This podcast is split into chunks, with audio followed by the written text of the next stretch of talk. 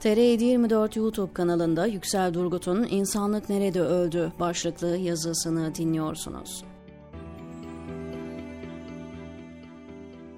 Yarınlarını, umutlarını, hayallerini bir tekneye doldururlar. Birçoğu ilk defa denizi gördüğü gibi ilk kez tekneye biner. Onlara tekne insanları terimini yakıştırırlar bir teneke kutusuna farklı milletlerden oluşan insanların umutları sığdırılır. Her biri özgürlüğün mümkün olmadığı karanlık ülkelerinden aydınlık bir yarın için özgürlüğe yelken açarlar. Tekne insanları çeşitli milletlerden göçmenlerdir. Türkiye'den, Suriye'den, Afrika'dan, Pakistan'dan, Afganistan'dan kadınların ve çocukların da yer aldığı kötü donanımlı bu gemilerde can pazarları yaşanır. Bu tekne insanlarının yanı sıra farklı sınıfa ait olan insanlar da vardır. Hemşerileri Ege Denizi'nde özgürlük için hayatını kaybederken Atlantik Okyanusu'nda yaşanan kazada iki Pakistanlı da yaşamını yitirdi. Şehzade Davut ve 19 yaşındaki oğlu Süleyman Davut, Titanik'in batık kalıntılarını görmek için dalış yapan denizaltı Titan'da iki yolcuydu. Bir asırdan daha uzun süre önce 1912'de o dönemlerde dünyanın en lüks gemisi Titanic, New York'a ilk yolculuğuna çıktığı sırada buzdağına çarparak Atlantik Okyanusu'nun soğuk sularına batmıştı. 1985 yılında 3800 metre derinlikte kırılan gövdesinin keşfinden bu yana 1997'de gişe rekorları kıran Titanic filmi de bu kalıntıları popüler hale getirmişti. Filmin başarısından sonra Titanic'in kalıntıları paralı turistler için cazibe merkezi haline geldi.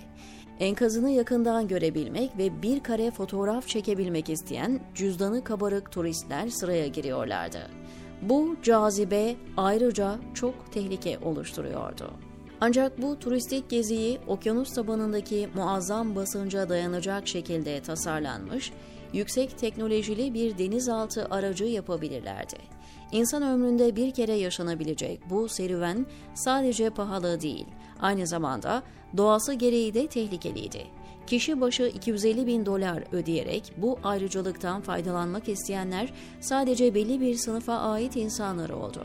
Bunun içinde özel denizcilik bilgisi, teknik uzmanlık ve önemli miktarda birikmiş paranız olması gerekli.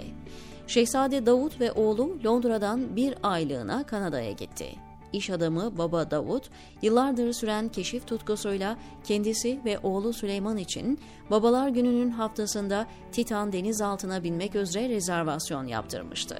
3800 metreye hedeflenen dalış 18 Haziran 2023 sabahı başladı ve 8 saat sürmesi bekleniyordu. Okyanusun derinliklerine inmeye başladıktan yaklaşık 1 saat 45 dakika sonra Titan, yüzey gemisi Polar Prince'le bağlantısını kaybetti. Arama ve kurtarma görevlileri ABD, Kanada ve Fransa'dan deniz ve hava desteği istediler. 22 Haziran 2023'te ABD sahil güvenliği, Titan'dakilerin basınç kaybından kaynaklanan bir patlama sonucu hayatlarını kaybettiklerini duyurdu. Deniz altındaki yolcular Davut ve oğlu Hamish Harding, Paul Henry Nargolet ve Ocean Gate CEO'su Stockton Rush ölmüştü. Bütün dünya Titan denizaltısı ve içindeki 5 kişi hakkındaki gelişmelerden haberdar oldu. Konu bütün dünya basınında geniş yankı uyandırdı. Titan'ın acı sonundan sadece 4 gün önce Yunanistan açıklarındaki bir tekne kazasında en az 78 kişi hayatını kaybetmiş ve yüzlerce kişi kaybolmuştu. Ancak sosyal medya başta olmak üzere pek çok kişi bu olayın aynı ilgiyi görmediğini söyleyerek tepki gösterdi. İnsan hayatına verilen değerin sorgulandığı paylaşımlarda insanlık nerede öldü sorusu ortaya çıktı. Titan'ın haberleri dünya medyasında yer almaya başladıktan sonra Yunanistan açıklarındaki feci kaza unutulmuştu.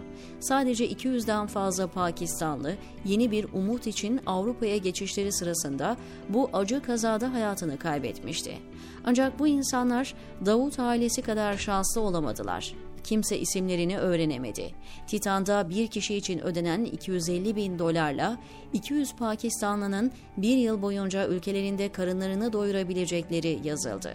Yunanistan açıklarında göçmen gemilerinde hayatını kaybeden isimsiz Pakistanlılar için ülkelerinde yaz ilan edildi. Bayraklar yarıya indirildi. Ancak bu yaz talihsiz göçmenleri kaçmaya iten şeyin en başta bu bayrağın ve temsil ettiği içi boş politikaların bir ürünü olduğunu hatırlatmaya yetmedi. Pakistan'da beyin göçünün en yoğun olduğu dönemler 1970-2000 yılları arasında gerçekleşti. Sadece Pakistan değil, Türkiye'de 2016 sonrası tarihinin en büyük beyin göçünü yaşadı. Güvenli limanların kapısı umut ve kazanç için sürekli olarak farklı yöntemlerle açılmaya çalışıldı. Pakistan 1947'de Hindistan'dan özgürlük için tarihin en büyük göçüne ev sahipliği yapmıştı. Türkiye'de Cumhuriyet sonrası çoğu Balkanlardan olmak üzere 6 milyondan fazla insana kapılarını açmıştı. Şimdi benim gibi on binlerce insan kendi ülkelerini terk etti. Ne Pakistan ne de Türkiye'yi güvenli bir liman görmediğimiz için bugüne kadar milyonlarca insan ülkelerini geride bıraktı. 1970'lerde Avrupa'ya olan göç dalgası deniz eliyle ücretsiz olarak yapılırken şimdilerde devletin yerine bilinmeyen bir hayata tek yönlü biletle insanların hayatlarını riske atan insan kaçakçıları aldı. En ölümcül kaza 2015 Nisan'da İtalya'ya geçmeye çalışan bir geminin Libya kıyılarında alabora olması sonucunda tahmini 1100 kişinin hayatını kaybetmesiyle meydana geldi. Titan'ın Atlantik'teki günlerce süren endişeli araması ABD, Kanada, İngiliz ve Fransız donanmalarının maliyetli aramaları sonucunda noktalandı.